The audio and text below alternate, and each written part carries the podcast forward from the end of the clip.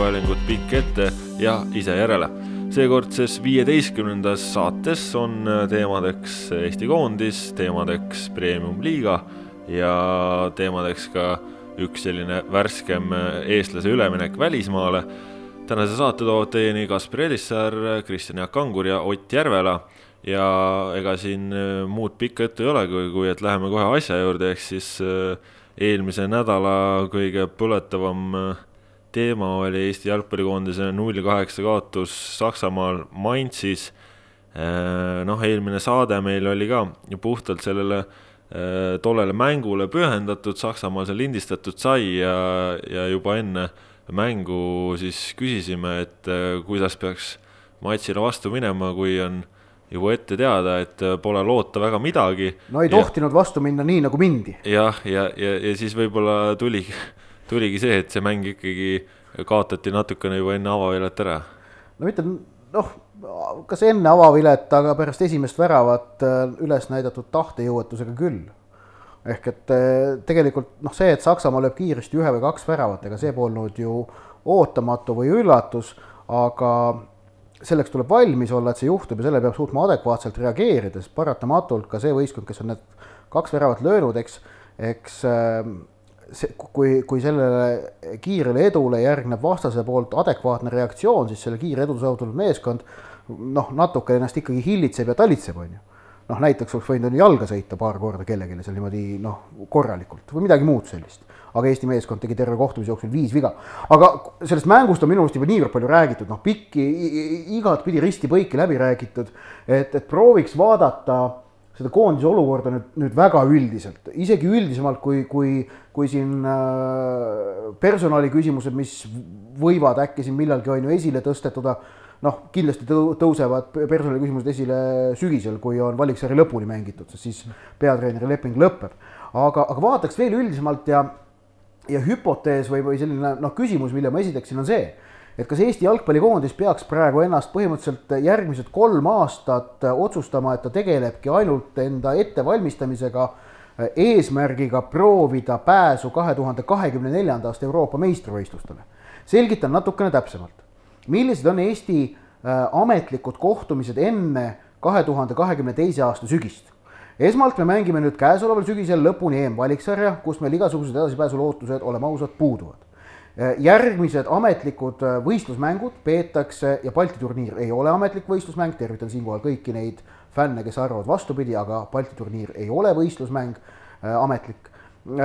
järgmise on siis kaks tuhat kakskümmend sügisel, kui on Rahvuste Liiga uus hooaeg kuna maailmameistrivõistluste finaalturniiri osalejaskonda ei laiendatud, siis Rahvuste Liiga kaudu finaalturniirile pääsemine, erinevalt nüüd EM-ile eelnevast Rahvuste Liigast, äh, kaks tuhat kakskümmend sügisel võimalik kõigi eelduste kohaselt ei ole. või kui on, siis see on jällegi ülimalt väga, väga, väga, väga väikene variant, mida noh, Eestil ei ole reaalne püüda. Äh, järgneb MM-valiksari kahe tuhande kahekümne esimesel aastal ning maailmameistrivõistlustel on Euroopal kolmteist kohta. no see tähendab, et Eesti peab jõudma kas valikgrupi võitma või saavutama valikgrupis teise koha ja võitma seejärel play-off'i. Ausalt, noh, ei ole, ei, ei tundu reaalsena, muidugi noh, võib ju juhtuda, aga ei tundu reaalsena. ning siis järgneb kaks tuhat kakskümmend kaks sügis, kui on Rahvuste Liiga, mis äh, paneb paika Äh, play-off'i variandid kaks tuhat kakskümmend neli EM-i silmas pidades ja kaks tuhat kakskümmend kolm, kui mängitakse EM-valiksari äh, enne Euro kaks tuhat kakskümmend nelja, aga EM-i me teame, mängitakse kahekümne nelja riigi osalusel. ehk et seal on neid pääsemeid palju rohkem, variante oluliselt rohkem. ehk et kas noh, see, see kõlab väga, äh, võiks öelda isegi sellise noh, kuidas öelda, nahaalsena või, või, või aga et kas oleks nagu praegu mõistlik teadlikult teha veel samm tagasi, et siis proovida kaks tuhat kakskümmend kaks teha mõned sammud edasi. Äh, see, kui, kui selline eesmärk võtta, see tähendaks praegu, see tähendaks sisuliselt kunstlikku noorenduskuuri. Äh, selles mõttes, et mitte ainult sellist tavapärast noorenduskuuri, vaid kunstlikku noorenduskuuri, et äh, antakse koondisest, öeldakse koondises head aega nii mõnelegi mängijale, kellel tegelikult taseme poolest praegu ei peaks seda tegema. no siin on muidugi ka see nurka, et äh, mõnes mõttes sellised jõulised ja forsseeritud asjad äh, ei pruugi viia tulemuseni selles mõttes, et, et kui sa teed seda verevahetust lihtsalt verevahetuse pärast, ilma et sul tegelikult oleks nagu adekvaatset asendust sinna asemele panna, siis et kas ja, ja milline see kasu saab olla, mis siin aja jooksul tõuseb, et noh, mõnes mõttes, et sa võid ju visata need kaheksateistaastased poisid sinna väljakule, aga noh, kui seal tegelikult ei ole seda potentsiaali, et temast midagi tuleks, siis noh, mõnes mõttes lihtsalt raiskame need ka kolm aastat ära mm. -hmm. see, see on, need on kõik täiesti adekvaatsed küsimused ja, ja, ja noh, tegelikult on ka veel see, et just, et noh, noh, kui võtta säärane eesmärk, see kaks tuhat kakskümmend kaks sügis nagu seada selliseks järgmiseks suure kuidas öelda, surve ava-, Euroopale surve avaldamise, kõlab ilusti, on ju, Euroopale surve avaldamise äh, tärminiks Äh, siis tõesti, et, et mis on see nivoo, millega, kuivõrd, kuivõrd nagu intensiivselt äh, siin vahepeal käituda, see on ka omaette küsimus. aga, aga noh, tegelikult on seis see, et meil on nüüd need kolm aastat aega koondist üles ehitada. enne seda kaks tuhat kakskümmend kaks sügist reaalselt millegi noh, olulise peale, Balti turniir ei ole oluline, mängida ei ole.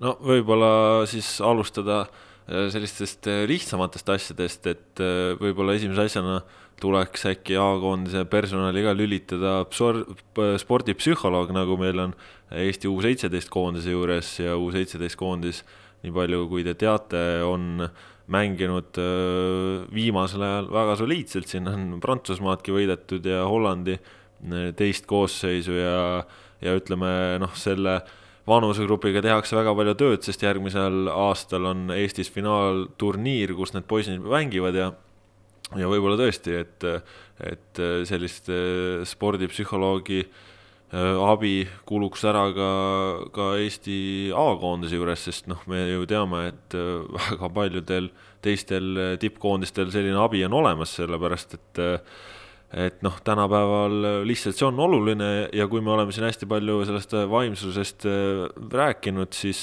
äh, äh, noh, mängus ka, et kui meil on teada, et meid ootab ees matš, kus meil on väga raske reaalselt hinnates tulemust saavutada, et siis kuidas ikkagi sinna väljakule minna no ma kõigepealt täpsustaks, minu meelest näiteks Tallinna Kalevil on isegi koostöö täiesti käib spordipsühholoogiga. Ja tuletame meelde, et, et Kalev on istunud mudas tükk aega sel hooajal ja sealt vaikselt välja roninud. kui see noh, ma ei tea reaalselt, kui palju nad seda koostööd on teinud, ma eeldan, et ikka on, kui see võimalus on, siis noh, ma, ma ei usun, et see on päris oluline osa sellest pea püsti hoidmisest. Ja noh, nagu me teame, et kui oled kaelani ühe asja sees, siis ei tasu pead norgu lasta, ehk et ei tohi, ei tohi pead norgu lasta, täpselt aga jah, noh, Eesti koondisel, kui sa selle psühholoogia teema peale juttu juba viisid, siis ma ei taha öelda, et Eesti koondis läheb äh, ette mõnda mängu kaotama. see oleks nagu väga ebaõiglane. aga kuidagi kõik, kõik kokku see, ma isegi natukene selles mõttes vaidleksin Otile vastu, et juba enne esimest väravat, mille Saksamaa lõi, oli kuidagi hoiak selline, et, et noh, no me nagu ei, ei, ei julgenud kohe juba, ma ei ütle ka, et jalg värises, see on natuke liiga jälle mustvalge, see on, kogu see teema on selline, et, et mina vaatan ühtemoodi, keegi teine vaatab teistmoodi, koondislased ise tunnevad ennast väljakul hoopis kolmandat moodi. siin ei ole mingit absoluutset tõde, et nüüd nii oli. eestlased väristasid jalga, ei oska mängida, mida iganes. noh, kogu see asi on nagu selline, et ma ei näe koondises sellist, äh, A-koondises praegu sa tõid selle U seitsmeteistkümne näite, me saime siin ise ka Sokkerneti vahendusel neid ise siin vaadata ja kommenteerida neid mänge ja ja nägime, kuidas seal on see, noh, ei ole eesti keeles pare, paremat sõna kui see venekeelne tuhh. see tuhh on sees seal, see hoog, see tahtmine, see, see isu, silmad põlevad. ma ei no, näe seda A-koondises kahjuks. A-koondise Põhja-Iiri mängus oli olemas oli, oli olemas. oli, oli igatpidi olemas minu meelest, aga jah, selles Saksamaa mängus. aga see kõigub nii meeletult. jaa, ebastabiilne on. ebastabiilne, me, me teame seda, et Eesti koondis kodus on noh, hoopis teistsugune, aga minu meelest see on juba pikaajalisem probleem, et just nimelt ka Eesti koondis võõrsil, seal ei ole sellist, ütleme, raskes seisus me ei leia sellist põlemist. mingit niisugust põlemist oleks vaja olnud ka Põhja-Iirimaa mängus sel hetkel kui nad lõid, meil oli veel aega tegelikult lüüa, oleme ausad, noh, kaks-kaks sellest mängust oleks olnud igati okei okay tulemus. see võimalus tegelikult ka tekkis. tegelikult see võimalus. ei löönud ära no.. jah, tegelikult see võimalus tekkis, me ei löönud ära. ja, ja siit äh, võib-olla veel minna nagu ühe aspekti juurde, millest me ei ole väga palju äh, rääkinud või üldse meedias ei ole väga palju kõneldud, siis äh, muidugi on kõneldud sellest, et Eesti mängis viiese kaitseliiniga aga viiese kaitseliiniga mängides noh, tegelikult seal noh, ma ütlesin seda ka eile Vikerraadio spordipühapäevas, et et kuigi viiese kaitseliini nii-öelda see suurem eesmärk on, on just see, et et nii-öelda keskkaitsjatel oleks see tugi olemas, et oleks nii-öelda tagala keegi, kes toetaks, kindlustaks, on ju, et teeb sul seda kaitsmist nagu mõnes mõttes lihtsamaks, siis psühholoogilise aspektiga äh, võib äh, kaasneda see, et, et kui mängija, kes ütleme, et siis enne mängis neljase liiniga näiteks nagu Eesti koondis Põhja-Iirimaa vastu ja kus oli ju võitluslikkus oli kõrgel tasemel, et siis, kui sa lähed selle viiese kaitseliini peale, siis mängija, kuigi ta pingutab ja ta üritab andest enda, endast kõik, siis äh, kuskil äh, ajusopis on ikkagi natukene see sees, et aga mul on ju selja taga veel üks mees, aga mul on ju veel üks abiline, ehk siis kui ma siit nüüd ei lähe talle päris nagu jalgadesse, et siis ei ole ka hullu, et ma hoian seda distantsi, et kui ta peaks minema must mööda, siis on uus mees, kes mind aitab, on ju. ja see on äh, noh selline väikene asi, aga see võib väga palju mõjutada, et ma toon siit ühe paralleeli Premium-liiga näite pealt, FC Kuressaare alustas hooaega väga hästi. Äh, teame ise, kuidas tegid Transiga viigi, Levadia võitis neid ainult üks-null, Paide võitis neid ainult üks-null. Kõik rääkisid Kuressaare heast kaitsest ja, ja nad mängisidki hästi oma neljase liiniga. kõik oli kompaktne, siis tuli mäng Floraga, esimest korda tolles hooajas äh, mängisid viiese tagaliiniga ja kaotasid mängu null-viis muidugi tasemevahe ja nii edasi ja tagasi ja tasemevahe oli ka ju Levadiaga mängus ja, ja Transiga mängus ja, ja, ja Paidega mängus. Ja noh, hiljem veel ju ka siin Kaljuga mängiti hästi ja nii, aga, aga nii palju, kui ma ka ise seal olen, ütleme, suhelnud nende mängijatega, kes seal Kuressaare kaitseliinis mängisid, siis nad ütlesidki, et no oli tunda just seda psühholoogiat, et aga mul on kõrval ju teine mees veel. ehk siis äh, Äh, noh, viiese liiniga mängides lihtsalt oldigi liiga pehmed, ei mindud äh, seda küünarnukiga vastast otsima, ei, ei oldud agressiivsed, agressiivsus ka noh, vähenes, ma ei tea, võib-olla kümme protsenti on ju, et, et ikkagi mängiti täiega justkui, aga, aga ikkagi see agressiivsuse nivoo oli natukene madalam ja mu arust täpselt sedasama me nägime ka Mainzis, et, et eestlased, kes Äh, ütleme, Põhja-Iirimaa vastu mängisid nagu innukalt ja, ja väga vihaselt võitlesid, siis äh, Saksamaa vastu see võitluslikkus oli, oli madal, sellest viiest veast on juba väga palju räägitud ja, ja kuigi mehed ütlesid, et nad endast kõik väljakule jätsid ja noh, ma ka usun, et nad jätsid endast kõik väljakule, siis, siis äh, kuskil see ikka see võitluslikkuse see noh, nii-öelda maht oli madalam ja, ja selle pealt tekkiski noh, sakslastel rohkem ruumi jah, see on väga õige, selles mõttes väga huvitav tähelepanek, et tõesti tegelikult ju noh, see tekitab sellise tunde, et me läheme, no ikkagi natukene nagu see, et me läheme võimalikult väikselt kaotama või noh, ütleme, läheme ikkagi viiki mängima. minu meelest see hirm, mis tekkis pärast üks-kaheksa kaotust Belgiale, kus noh, tõesti, ütleme, Eesti koondis võttis liiga suure tüki hammustada ja, ja noh, ütleme siis hammustas keelde sellega lõpuks, eks ole et see hirm, sealt tulnud hirm on kuidagi nagu edasi kandunud ka, ka minu meelest natukene meeskonnale. see on nüüd puhtalt minu, minu arvamus, aga mi, minu jaoks ma, ma olen nagu ka natukene liiga palju viimasel aastal kuulnud koondise poolt selliseid signaale, et noh, arvestame oma reaalset taset, ongi raske teised on tugevad, noh, natukene liiga palju saab seda nagu minu maitse jaoks, et see, see tekitab ikkagi sellise tunde, et, et noh, kas, kas me nagu ei usu endasse äkki, et, et me, me võime mängida, sest tegelikult siin on väga palju olnud juttu sellest, et, et, et Reimil on nüüd kasutada umbes, ma ei tea, a la stiilis läbi aegade või üle, üle aastate kõige kehvem koondis. no ega need mehed nii kehvad nüüd ka ei ole siis. nojah, nojah, ma, ma lihtsalt tahan veel siia lõpetuseks äkki öelda, koondise teema lõpetuseks, et äh, et äh, kuigi siin prooviti mitmelt poolt siis äh, öelda, et see null kaheksa tähendab, et terve Eesti jalgpall on läbi kukkunud ja väga halvas seisus, siis kahtlemata see seda ei tähenda, vaid, vaid me räägime isegi Eesti jalgpallikoondisest. küll aga on selge see, et selle null kaheksa mõju saab olema nüüd päris pikaajaline, sellepärast et ja, ja isegi pikaaegsem, kui olid need näiteks Bosnialt saadud null seitse või, või see Belgialt saadud üks kaheksa. sest see Saksamaa mäng oli väga oodatud, selle ümber käis noh, tavapärasest oluliselt suurem ažiotaaž.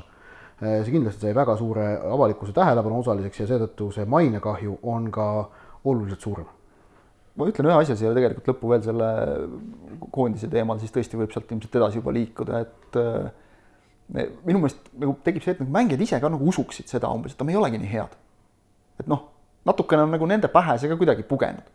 Ja kui me siin räägime noh, sellest psühholoogiast ja kõigest sellest, siis minu, minu meelest Eesti koondisel on praegu platsil ka puudu sellistest äh, põlejatest, noh, me kõik teame, Sergei Bareiko, Raio Piiroja, noh, piltlikult öeldes mees, kes või siis ka mitte nii piltlikult Eesti koondise ajalugu meenutades, et kui vaja, siis võtab ka riietusruumis kaaslasel rinnust kinni, tõstab vastu seina nii-öelda, et, et noh, hakkame nüüd mängima. Ja see, see on muidugi selles mõttes jube keeruline, et me võime siin rääkida noh, ka täpselt sellest samast noorenduskuurist kõigest, eks ole, et tuleb leida õigete isikuomadustega mängijad koondises, kes tuleb korraks kokku üle pika aja, see on võib-olla veel olulisem, et, et seal oleks see sütitaja klubis võib see pikema aja peale välja kujuneda ja, ja sellist asja samas ei saa teha vägisi kui keegi hakkab punnitama, siis see ka ei tööta, sellepärast et nii-öelda teised mehed näevad ta läbi. ehk et äh, kust, kust leida need loomulik liider. loomulik liidrid, jah, täpselt. Et äh, muidugi sa võid olla, ütleme, liider eeskujuga, nagu on näiteks Ragnar Klavan, aga ma usun, et ma, ma olen üsna kindel, et ta nõustub ka ise sellega, et et noh, ta ei olegi sellise loomuga inimene, kui tema hakkaks, hakkaks seda vägisi tegema, nii-öelda mängima piirajat riietusruumis, siis oleks ka see väga vale ja võlts. ehk et on vaja niisuguseid, naasuguseid, aga vot meil just minu meelest neid noh, ikkagi toome selle piiraja näite kogu aeg, selliseid piirajasuguseid põlejaid, noh, kes, kes lähevad nina-luu hinnaga iga mängu mängima. vot selliseid meil praegu ei ole ja, ja raskel hetkel on sul just selliseid vaja, no jumala eest, kasvõi Tarmo Kink. Äh, võib-olla Karol Mets on üks selline tugevama natuuriga, aga, aga see selleks. Äh, põles Saksamaa vastu heleda leegiga metsal on minu meelest jah, temas on seda alget, aga elu on näidanud, ma loodan, et, et see tuleb ajaga ja küpsusega ja ta suudab seda nii-öelda kanaliseerida, aga tal, tal see, see leek noh, käib lakk ära nii-öelda sageli ja, ja paneb maja põlema, et, et see, see jälle ei tööta. see, see on väga keeruline asi ja seda noh, niimoodi öelda kõrvalt, et nüüd peaks tegema nii, peaks tegema naa, on väga keeruline, et tegelikult ongi see, et igaüks on selline, nagu ta on, mets on ka selline, nagu ta on, väga hea, et ta on selline. meil oleks nüüd vaja lihtsalt loota, hoida pöidlad peos, et, et kuskilt tuleb keegi selline, et meil neid isiksusi selles mõttes Eesti jalgpallis ka ära ei nullitaks. jah, ja kui midagi see nädal veel meile näidanud on, siis seda, et Eesti jalgpall läheb ikkagi korda väga suurele osale Eesti inimestest, sest äh, isegi meedias jõudsid arvamused täiesti jalgpalli kaugetelt inimestelt, nii et rõõm on näha, et jalgpall on äh, eestlaste südamed vallutanud ja loodame siis, et, et on põhjust ka varsti jalgpalliväljakul rõõmustada. Läheme siit edasi saate teise teema juurde, selline lühike vahepala. Mattias Käit siirdus pühapäeval Inglismaa klubi Fulhami ridadest kolmeaastase lepinguga Sloveenia tippklubi Domžale ridadesse. kindlasti oodatud üleminek selle nurga alt, et äh, Mattias Keit on kaua-kaua igatsenud seda meeste jalgpalli ja, ja nüüd ta saab seda teha. jah, minu jaoks oli väga üllatav, et, et täitsa jalgpalliga noh, väga hästi kursis olevad inimesed olid kuidagi pettunud selle ülemineku üle. ehk et noh, oleks nagu tahtnud veel kõrgemat lendu, ärme unustame, et, et Mattias Käidi, ütleme viimase aasta CV-s äh, selliste tõeliselt nagu suurte asjadena või suurte pluss, suure plussina on ette näidata koondise mängud, A-koondise mängud. mida on olnud ka vigastuste tõttu natuke vähem. mida on ka vähe olnud, täpselt. ja, ja noh, koondise mänge on alati vähe tegelikult, et klubi jalgpallis ikkagi ta mängis U kahekümne kolmes, see oli põhjus, miks ta tahtis Fulamist ära. Äh, noh, okei okay,, siin võib ka rääkida, et nüüd kukuti esiliigasse ja, ja, ja oleks äkki olnud seal võimalus, no see on jälle see, et äkki oleks peale saanud me nägime ju tegelikult seda ka sealsamas Fullamis hästi, et, et ka siis, kui ta esiliigas oli, ta oli noh, oma seal noorte pundis üks lootustandvamaid, ei mahtunud ta koosseisu paraku ja, ja tuleb sul treener, kes sind ei, ei usalda ja sa istud jälle. praegu on ikkagi Domžalesse ta toodud kolmeaastase lepinguga, mis ikkagi näitab, et noh, ühtepidi näitab muidugi seda, et ilmselt nad loodavad noore mehe mingil hetkel ka edasi müüa ja sealt midagi teenida. teisest küljest see on ikkagi selge usalduse märk, see ei ole mingi üks pluss kaks ega üks pluss üks ega midagi sellist ehk et äh, minu meelest on see selles mõttes väga okei üleminek, et, et see peaks olema selline liiga ja selline meeskond, kus ta noh, kui ta ise vähegi selle koha välja mängib ja mul puudub usk vastupidiseks või põhjus uskuda vastupidist, ta peaks olema seal selge põhimees. Käit pidi minema igal juhul klubisse, kus ta saab kindlasti kogu aeg regulaarselt mängida. ma usun, Tom Jale on selles mõttes hea valik, et et kindlasti Tom Jale jaoks on Käit ka korralik investeering, mis omakorda aitab tagada selle, et ta saab seal võimaluse. ehk et noh, ta on, ta on siin juba kaks aastat liiga kaua niikuinii istunud pinkidel või mänginud U kakskümmend kolm ehk et tal on vaja mängida meeste jalgpalli regulaarselt. Äh, Sloveenia liiga ei ole kindlasti Euroopa tase, Euroopa mõttes midagi nüüd hiilgavat, aga noh, täiesti selline viisakas koht, Tom Jale on mitu hooaega järjest Euroopas näidanud korralikke tulemusi, nii et äh, noh, jõudsid siin Euroopa liigas ju play-off'i välja. Play-off'i välja ja kaotasid, alistasid Freiburgi ja kaotasid Marseille. Marseille olümpiikil kaotasid mängisid, mängisid näiteks nüüd viimasel hooajal Venemaa kõrgliiga meeskonna Ufaga kaks mängu viiki, küll võõrsil väravate reegliga jäid välja ja Tom Jale, noh, me teame, vaata Poola näide on see hea, et, et kus ühel aastal oled meister, järgmisel aastal oled äh, valin väga hoolikalt sõnu praegu, väljalangemistsoonis, et mitte kasutada väljendit, mis Oti marru ajab. aga, aga tõesti, Tom Jale on olnud viimasel viiel aastal, viimasest viiest aastast neljal, kolmandal kohal ja korral vist neljas, nii et noh, nad on pidevalt, nad mängivad pidevalt Euroopas, nad mängivad seal Euroopas päris hästi. Sloveenia liiga, jah noh, ei ole tõesti Euroopa tippliiga, aga, aga just see, et ta saab mängida seal lõppude no, lõpuks. ma tuletan meelde ka, et Mattias Käit võiks tegelikult mängida tänasel päeval Eesti U kakskümmend üks koondises, aga aga ta on juba paar aastat olnud Eesti A-koondise põhimees ja kui me mõtleme, et aa, et noh, klubi ju langes, Fulham langes Championshipi, et oleks võib-olla seal võinud mängida, siis no Championship oma taseme poolest no tõenäoliselt kuulub äh, Euroopa top kümne liiga hulka. tõenäoliselt ja... ilmselt on tegemist äh, keskmise taseme poolest Euroopa tugevalt kuuenda liigaga.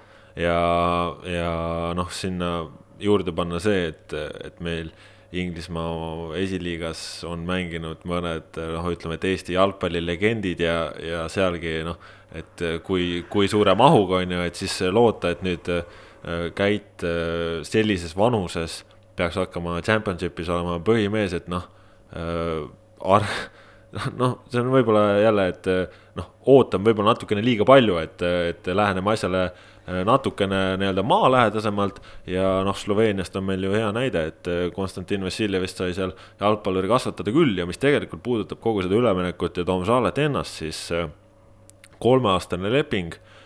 Tom Sale on, kes ei tea, siis ka klubi, kes mängib hästi noorte mängumeestega, ehk siis noh, Tom Sale on, ütleme siin Eestist paralleele tuues kohalik Flora nii-öelda Äh, mängivad hästi noorte meestega, kolmeaastane leping tähendabki selgelt seda äh, ja noh, ütleme, et ja ka siin ka see tuleb, ei tohi ära unustada, et, et kui Fulham Championship Inglismaa on selline suure jalgpalliriigi, no ikkagi suur klubi, siis Sloveenia on väike riik ja nemad toimivad ka nii-öelda kasvatajaklubi eesmärgiga, ehk siis nende eesmärk ei ole mitte see, et me võtame nüüd omale mängija ja, ja hoiame teda enda küljes kinni, vaid nende ja, ja just eelkõige Tom Saale eesmärk ongi mängijaid kasvatada, sellepärast nad mängivad noortega, sellepärast nad võtsid, võtsid Mattias Käidi, et temast äh, nii-öelda suurem mängumees vormida, kui ta juba praegu on, ja siis ta aidata veel edasi, ehk siis klubi enda huvi on väga suur selles ka, et Mattias Käit liiguks edasi ja sellepärast on ka see kolmeaastane leping, et kui ta siin teeb ühe hea hooaja või kaks head hooaega, et siis saab tema eest veel raha teenida, ehk siis äh, klubi on väga motiveeritud kasvatama Mattias Käidist head jalgpallurit re, regulaarsed minutid äh, normaalsel tasemel äh, ja noh, see ongi, ma ütleks, et äh, ideaalne üleminek vot see, see on ilmselt natukene see ka puhtpsühholoogiline asi jälle nagu fänni poole pealt vaadates, et äh, ega meil Eesti jalgpallis neid äh, viimase aja selliseid edulugusid just liiga palju ei ole.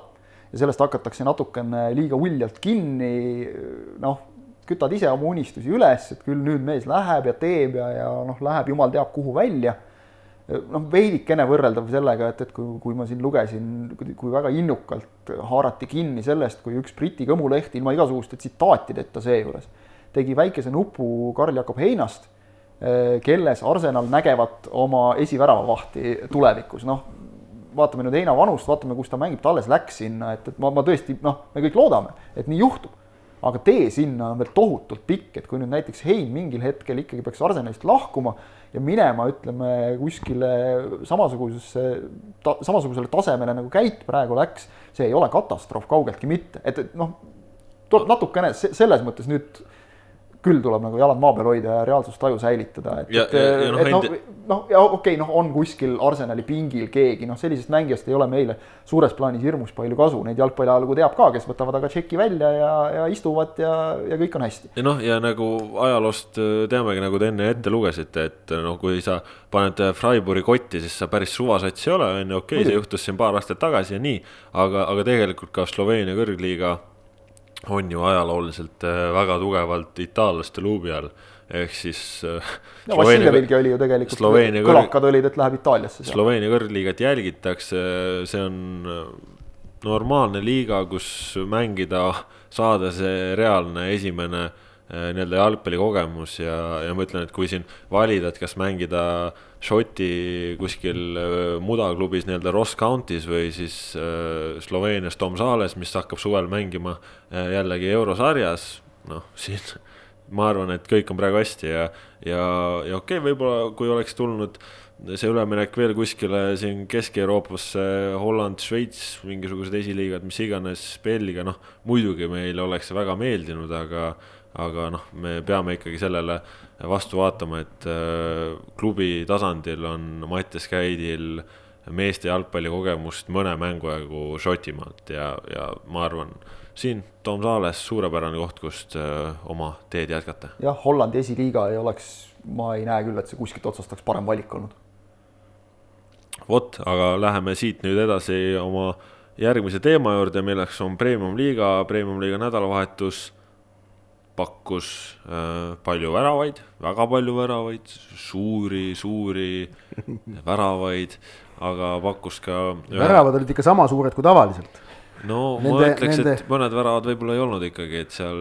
ikkagi seitse kolmkümmend kaks korda kaks nelikümmend neli. tead, ma arvan, et äh, mõnel pool see Mätas võis seal seda kõrgusvahet äh, mõne väljaku peal ka natukene muuta, aga noh. mõni on kitsam, mõni on laiem natuke. see selleks äh, oli ka üks hästi põnev mäng hästi,, hästi-hästi põnev mäng või kaks tegelikult hästi-hästi põnevat mängu.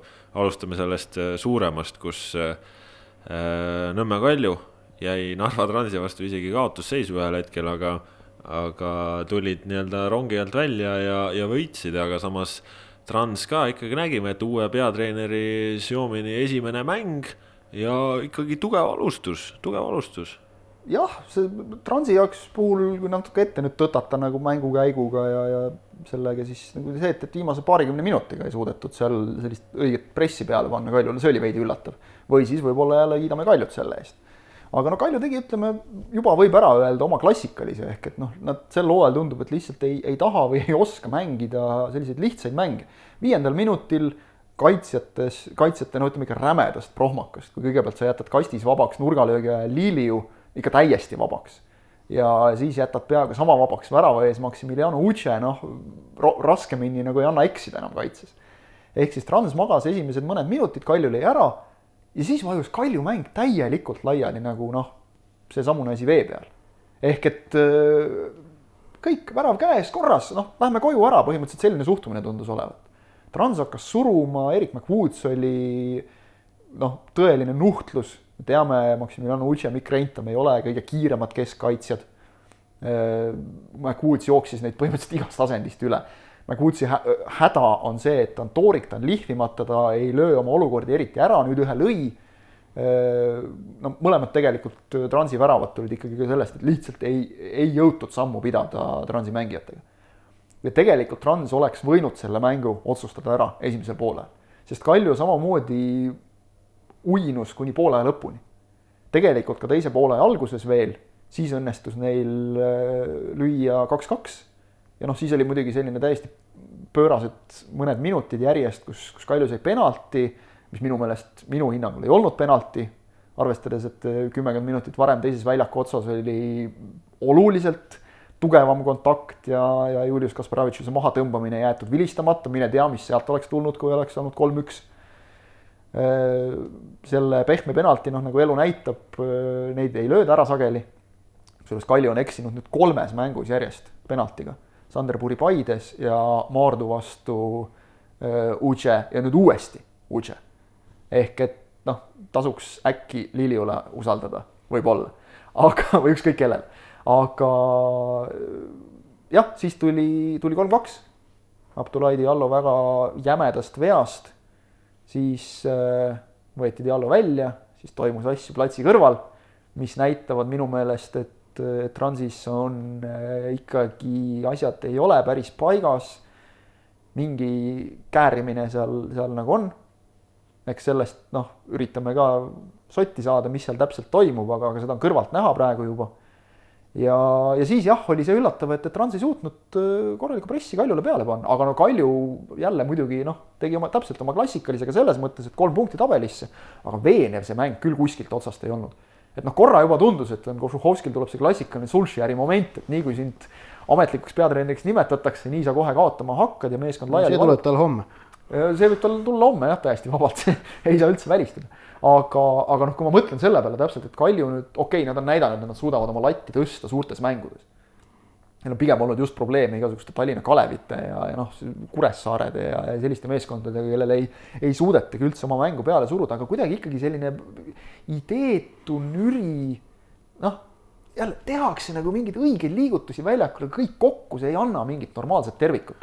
Trans muidugi nüüd selle kaotusega kukkus Kaljust vist juba kolmeteist punkti kaugusele, Paidest on nad kaheteist punktiga maas, ehk et noh, neljas koht sõidab ikka juba väga kiirelt eest ära ja vaadates, mis nüüd Transi ees ootab mäng Levadiaga kolmapäeval, noh kas, kas ainult mulle tundub või nagu kuidagi Transi see kalender ongi jube raske kogu aeg, et nagu seda head kerget momenti ei tulegi, et, et vaatad need nagu, et, et, et, et mängi, mängivad satsidega küll ja, ja ongi jälle on nagu nii lähedal ja lähedal, aga siis kuidagi vaatad tabelisse. noh, tead äh, kalender kerge raske, siin oli pärast karikafinaali enne koondise pausi oli kodus mäng Tallinna Kaleviga ei, ei ole nagu väga raske, minu meelest Transi jaoks, mis selle raskeks võib-olla muudab, on see, et, et nagu nad tegelikult ka tunnistasid enne hooaja algust, et pink on neil lühike.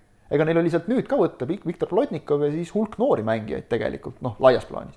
et äh, vigastused olid siin vahepeal noh, kõik, ega need treeneri vahetused noh, ma ei ütle, et see halb on selles mõttes, et kui asi ei tööta, siis tuleb muuta midagi, aga aga ikka võtab ju aega jälle, nüüd on jälle Andrei Sjomin uus peatreener, jälle temal on kindlasti uued nägemused, uued mõtted, noh, ta väga palju esimeses mängus ei hakanud siin vangerdama koos. E-, eks tal läheb aega ka, et üldse meeskonda tundma õppida. no muidugi. lisaks, lisaks läheb Sjominil aega sellega, et õppida tundma oma ülemust, eks ole, sellepärast et see, mida Nikolai Burdakov ikkagi tolles mängus tegi, see ei ole normaalne, see ei ole lubatav ja Eesti Jalgpalliliidu distsiplinaarkomisjon peab võtma selle asja arutlusele, tegemist on jalgpalli maine kahjustamisega, kui äh, klubi president lubab endale avalikus ruumis, mida võistkonna vahetuspink on, säärast äh, labast sõimu äh, oma mängija aadressil. ja ma rõhutan, et, et, et nüüd kui mõni eesti keelt rääkiv klubijuht samamoodi käituks, äh, mis oleksid tagajärjed? Kasutades sama analoogset sõnavara eesti keeles, mis oleks tagajärjed siis? miks lubatakse Eestis jalgpallis äh, võõrkeeltes äh, endale, võõrkeeltes jalgpallis osalejatel rohkem äh, või, või noh, ütleme labasemalt ennast väljendada kui eesti keeles. see Eesti jalgpallurite pahameel, see on teada asi. et, et kui, kui ma ütlen vene keel, see on, see on, kuidas see oli ütletus mängus, et ütlen ma eesti keeles midagi natukenegi, saan kohe kaardi, aga vene keeles võivad nad öelda ükskõik mida. jah, saata ükskõik kuhu, eks ole, see on, see on probleem küll jah, selles suhtes ja see noh, jääb ju platsi äärest kõrva ka. ja pluss on, pluss on see jah, ja no pluss see, no see, et Burdakov ei suuda ennast ise sealt äh, pingi pealt taandada, see on ikka noh, lihtsalt piinlik. jah, ma saan nagu vaata inimlikult selles mõttes väga hästi aru, et, et sa oled nii tohutult asja sees ja, ja selles ei kahtle keegi, et ta teeb tohutult kirega, aga teinekord see varjutab nagu natukene sellise loogilise mõtlemise, ennast selles ei, olukorras ma, taandada ei, on väga teen, raske. ei, ma teen, mina teen lihtsalt lahti, minu arust on lihtne tegelikult, sellepärast et kui avada Eesti Jalgpalliliidu kodulehekülg, minu arust on olemas, et on need treenerite nimekirjad ju, et ma vaatan UEFA Pro litsents, ei ole Burdakovi, UEFA litsents ka Burdakovi ei ole, siis on UEFA B litsents, jällegi Burdakovi ei ole. Et noh, et nagu noh, need kolm nimekirja on piisavalt ammendav põhjus ise, ise sinna pingi peale mitte ronida lihtsalt jah, aga ma noh, ma ütlen, emotsionaalselt on see nagu keeruline, kui sa oled niivõrd selle asja sees, aga me vist jõuame siit jälle riigiga selle noh, lähenemiste erinevuseni ja, ja, ja, ja las ta jääb. aga, aga noh, jah, Transi puhul on see, et, et tege, tegelikult pandi väga hea sats kokku. aga tõesti, nagu sa ütlesid ka, Andrei Sjominil noh, mees, kes tunnistas täiesti ausalt, mis on ka täiesti loogiline tegelikult, et ega ta noh, Eesti jalgpallist rohkemat kui seda, et on olemas meeskonnad nimedega Levadia, Flora ja, ja Narva Trans, ega ta väga palju rohkem ei teadnud. Dmitri Brošin on talle küll kindlasti seal abitreenerina noh, kõvaks toeks aga, aga noh, ikkagi lõppude lõpuks ju peab peatreener hakkama vastutama ja otsustama ja, ja noh, mis ta nüüd oli, ta oli nüüd siin no,. ei saa see trans esinelikusse, ei saa see trans esinelikusse loo. ei, ei, selles, selles olen, selles olen ka mina täiesti kindel ja kusjuures ja samas ma ei näe, et, et neilt äh, selja tagant keegi hammustaks, sest lihtsalt nende komplekteeritus, noh, ütleme nende ma ei taha kasutada sõna professionaalsus, aga noh, ütleme siis see, et, et noh, seal on nagu ikkagi selles mõttes profimängijad, eks ole, et kui me sealt selja tagant vaatame, noh, kellelgi tulevikul Kuressaarel üksikutes mängudes loomulikult alati võimalus neid hammustada, aga hooaja kokkuvõttes ma ei näe nagu varianti ja no. sealt ettepoole tõusta, nagu ma ütlesin, juba üle kümne punkti vaadates, noh, Tallinna suure, suure kolmiku võimalusi ja, ja jällegi komplekteeritust, kõike seda mängijate taset eraldi võttes ja Sa... vaadates Paide hoogu, siis noh, ei ole varianti no,. samas on see, et äh, nendel on puudu võib-olla üks väravaid lööv ründaja, mängida on äh, kakskümmend üks vooru ehk siis kuuskümmend kolm punkti on laual ja, ja ikkagi Transis, no ma ei tea, ma seda sisu ikkagi nagu näen aeg-ajalt, et, et stabiilsus on äh, probleem olnud, vigastused on probleem olnud, võib-olla mõned muud asjad ka seal, aga mina Transi tänasel päeval veel maha ei kannaks. sisu on neis kindlasti, aga ma kardan, et no, nagu sa ütlesid, mida hooaeg edasi läheb, seda rohkem ma kardan, hakkab see pink mängima ja selles mõttes just jah, neil on seal juba praegu meeskonna juures kaks uut mängijat. noh, näis, kas nendega lepingut tehakse, ei tehta, eks ole, siin on aega veel testida ja proovida, pole üleminekuaken veel lahtigi läinud ja kuu aega ta on lahti, et jõuab tuua küll. Ja, ja tõesti, nad tunnevad, noh, Barkov on puudu, see on selge. aga, aga küsimus on selles, et, et neil on praegu juba legionäride limiit täis. ehk et kui sa kellegi tood siis tegelikult tähendab see seda, et kellestki sa pead loobuma, ehk et see meeskonna noh, mängijate kogum, see jääb ikka samaks. ma ütlen, et Transi, Transi esinelikust väljajäämine ei ole tingimata tingitud nende komplekteeritusega või ka nende peatreeneri oskustega, vaid just nimelt nende juhtkonna ebaprofessionaalsusega, kes ei suuda äh, sellises olukorras klubi, kes äh, noh, komplekteerimise poole pealt võib rünnata esinelikut, aga on praegu sealt tabelis kaheteistkümne punkti kaugusel vajab sinna jõudmiseks ka äh, sisemist harmooniat. aga vabandust väga, see, mida me nägime laupäeval Hiiul, see näitab, et seda harmooniat ei ole ja välistab ka sellise tek-, selle tekkimise. see on, see on piinlik, labane, madal isegi vahet, ma ütleks isegi, et vahet ei ole, mis on need põhjused, aga et noh, kui meeskonna sisekliima on nagu paigast ära, ükskõik mis põhjusel, siis äh, noh, tulevad täpselt need punkti kaotus, et okei okay,, me oleme sel hooajal näinud, et ka suured võivad komistada noh, ütleme rohkem kui näiteks eelmistel hooaegadel tabeli tagumise otsa vastu. aga, aga Trans on ikka siin noh, tulevikule kaotati üks mäng, teisest saadi hädaga viik kätte. Kuressaaret ei ole nad sel hooajal ju veel võitnud, eks ole, üks mäng on mul õigus null-null hooaja alguses, et noh, ütleme nii, et jääme siis selle juurde, et, et Kasper usub, meie ei usu jah, äh, üks usuga seotud küsimus on järgmine ka meil. Äh, see usk puudutab äh, Lõuna-Eesti suurt jalgpallikantsi Tartut. Tartu siis nädalavahetusel tegi võõrsil FC Kuressaarega viigi üks-üks ja ja mänguliselt oli seal ikkagi näha sellist tublit edasiminekut ja, ja Ott, sina vist seda küll usud, et, et Tammeka sealt tabeli lõpust ronib välja jah, usun küll jah, ja noh, eks see mäng näitas ka, et, et, et okei okay,, neil on veel väravate löömine ja vormistamine valmistab probleeme, aga mänguliselt on tegemist ikkagi noh, selgelt parema võistkonnaga, kui näitab nende senine kogutud punktide arv. mänguliselt vaatamata sellele just nimelt, et punkte pole teenitud, siis sellel võistkonnal paistab, et ka see sisemine selgroog on endiselt siiski olemas ja, ja kandev. noh, seda näitas kas või toosama esitus Kuressaare vastu kus mindi, kus, kus vaatamata sellele, et Kuressaare saavutas viigivärava, suudeti lõpuni proovida, üritada. ehk et ma usun ja, et Tammekal ei ole suuri, suuri muresid. Kristjan Jaak. Äh, sama. sama, jah. sest et äh, noh, sisuliselt see jälle, et, et ründajat on vaja, kes ära lööks, ega sellest oli täpselt seal selles mängus ka puudu, kõik muu oli olemas. aga, aga täpselt, sisu sellel, sellel meeskonnal on, ma arvan, Tammeka vajab sellist noh. Reijo ühte... Laabus on ka tagasi. Laabus on tagasi täpselt ja Tammeka mille vajab sellist. mille kohta ütles Kaarel Kiidron, kui ma temaga siin mingi hetk rääkisin, Tammeka legend. Reijo Laabus on mees, kes teeb kõik mängijad enda ümber paremaks ning, ning see on nagu noh, Tammeka jaoks kindlasti suur pluss, et ta on nüüd tagasi. jah, et, et seal neil on vaja ühte-kahte õnnestumist, ma arvan, ja selle pealt võib jälle nagu tulla int sisse ja. Kuressaare vist on ainult seitsme punkti kaugusel ka, nii et kuues koht. see ta, tabeli tagumine ots on väga, väga vinge tegelikult no,. samas, samas ka Kuressaare jaoks ma arvan, see üks-üks viik Tammekaga ei ole ka mingisugune väga suur pettumus, sest viisteist vooru mängitud, Kuressaare on endiselt kuuendal kohal ja, ja ma arvan, seda, kes enne hooaja algust seda uskusid, oli ikkagi vähe. noh, kahe kaotuse järel ütleme ikkagi viik positiivne tulemus punkt tabelis, et, et kindlasti jah, Kuressaare hooaja võib juba praegu lugeda kindlasti korda läinuks ja ma arvan, et, et nad, nende puhul ma, ma ei näe ka mingit põhjust nagu mingiks ärakukkumiseks, et ma arvan, et sellel tasemel, nagu nad praegu mängivad seal, et, et vahel näpistavad suuri, vahel kaotavad endast tagapool olijatele, aga aga üldplaanis võtavad oma punktid ära ja umbes sinna nad püsima jäävad kuskil. jah, ja nädalavahetusel siis kolm mängu oli veel, kui lühidalt kuidagi need kokku võtta, siis äh, Tallinna Levadia näitas Tallinna Kalevi vastu, et äh, suudavad ka ilma Jevgeni Putnikuta väravaid lüüa ja täitsa hästi suudavad seal, siis tuli väravaid kuus tükki, endal lasti ka üks lüüa, mille lõi Danil Ševjakov täiesti perfektsest ja kaunist karistuslöögist. no kui vastase väravavaht juba ütleb, et see läheb sellesse kuutabelisse, siis, siis on hea. jah, ja siis Paide linnameeskond sai oma hooaja suurima võidu kodus tulevikule kuus-null kindlasti nii suurt võitu ei osanud keegi oodata. muidugi Paide oli favoriit, aga praegu Paide ka, et ei ole vist nagu muresid nendel no,. Paidel on see toimima hakanud ja väga huvitav vaadata järgmist mängu nüüd Paidel. tegelikult Paidel tuleb ju selline seeria, kus neil on võimalus ütleme, kindlustada kolmandat kohta. ehk et Kaljul on keer keerulisem graafik ja, ja noh, isegi Levadial annab sealt veel järele ronida, see vahe ei ole üldse nii suur aga noh, see pole Paide eesmärk, me teame, Paide tahab nelja hulka ja, ja medal oleks juba boonus.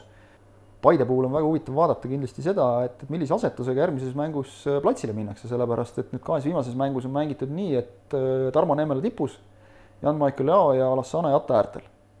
ja kui Levadia vastu oli võimalus nii-öelda mehed platsile ära mahutada, sest et Karl Mööli puudumisel Andrei Frolov mängis äärekaitses, Henri Välja mängis Sander Sinilaiu kõrval keskel siis nüüd eelmises mängus välja oli kaartidega eemal ja olid tavapärane paar Frolov-Sinilait keskel ja, ja tipus siis see kolmik. ja see töötas ülihästi. ehk et noh, vaadake Tarmo Neemelat lihtsalt, nautige, kuidas vanameister möllab. täiesti nagu teine noorus oleks. ehk et temaga ei saa lihtsalt enamik premium-liiga kaitsjaid ei saa Neemelaga hakkama tema kogemustega. Viljandi oli püsti hädas ja samamoodi ei saa nad hakkama Jao ja Jata kiirusega. ehk et see toimib väga hästi ja Frolov oli noh, täiesti pidurdamatu mees, sellepärast et kui kaitsjad pöörasid oma tähelepanu Jatale ja Jaole ja Neemelale, siis tõusis Frolov keskelt, kellel on Sinilaiust mõnevõrra ründavam roll selles, selles keskväljas, kusjuures alati on Sören Kaldma taga veel kaitseliini turvamas. ehk et Frolov võib väga julgelt sealt tõusta, Sinilaid vajub ka allapoole ja kõik toimib. et nüüd oleks nagu, kui välja tuleb tagasi, nüüd oleks vaja välja ka kuskile platsile ära mahutada, kusjuures Paidel on veel see häda ju ka, et, et ega neil neid KTM-e liiga palju ei ole ja Neemel on üks neist, et eeldada, et need Neemela kõik mängud siin kogu aeg järjest paneb siin suvel palava ilmaga, no natuke palju tahta ilmselt. kuus-null võimaldas juba tegelikult seal tunni möödudes ta välja võtta, mis oli kindlasti õnnistus Vjatšeslav Sahovaikole.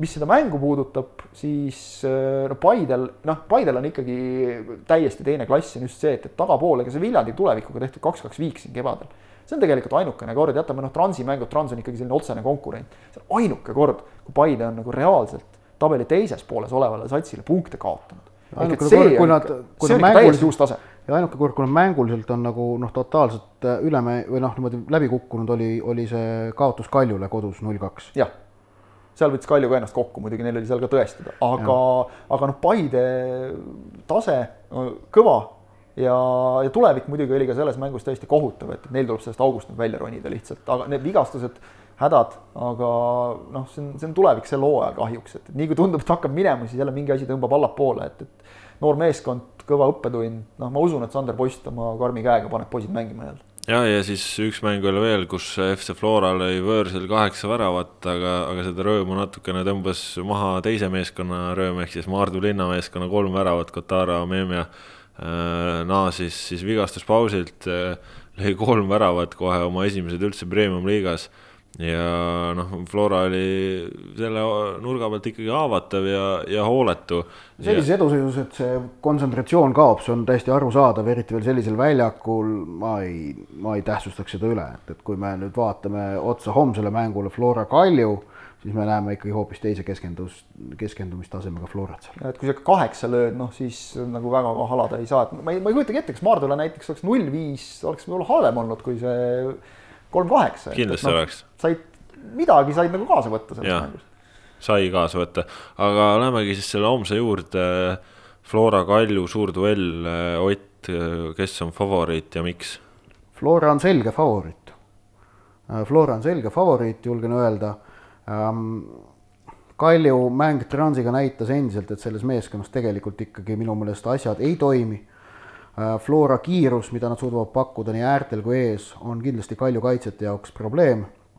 Konstantin Vassiljev on jätkuvalt premium-liiga parim mängija, kes on praegu ka väga heas vormis. sai puhata Maardu vastu. noh, sai puhata Maardu vastu, et äh, noh, Kalju ainukene või noh, ütleme Kalju peamine lootus mängus Floraga on see, et äkki, äkki teeb Liliu seda, mida ta tegi eelmine hooaeg kahel puhul, ehk et virutas kuskilt kaugelt mingi matsu ära no Lili ju hakkab vaikselt mingit vormi leidma ikkagi, et seda on. ta on seda juba kaks kuud vaikselt leidnud. jah, noh, jah, ära lõi noh, Transi vastu selles suhtes, et, et jah, ei, ma olen sinuga nõus, et, et Kalju mäng ei, ei näita küll kuskilt otsast seda, et, et, et, et seal nüüd, nad on pannud juurde suurtes mängudes, aga et seal nüüd nii palju oleks, et Florale vastu saada, kahtlen.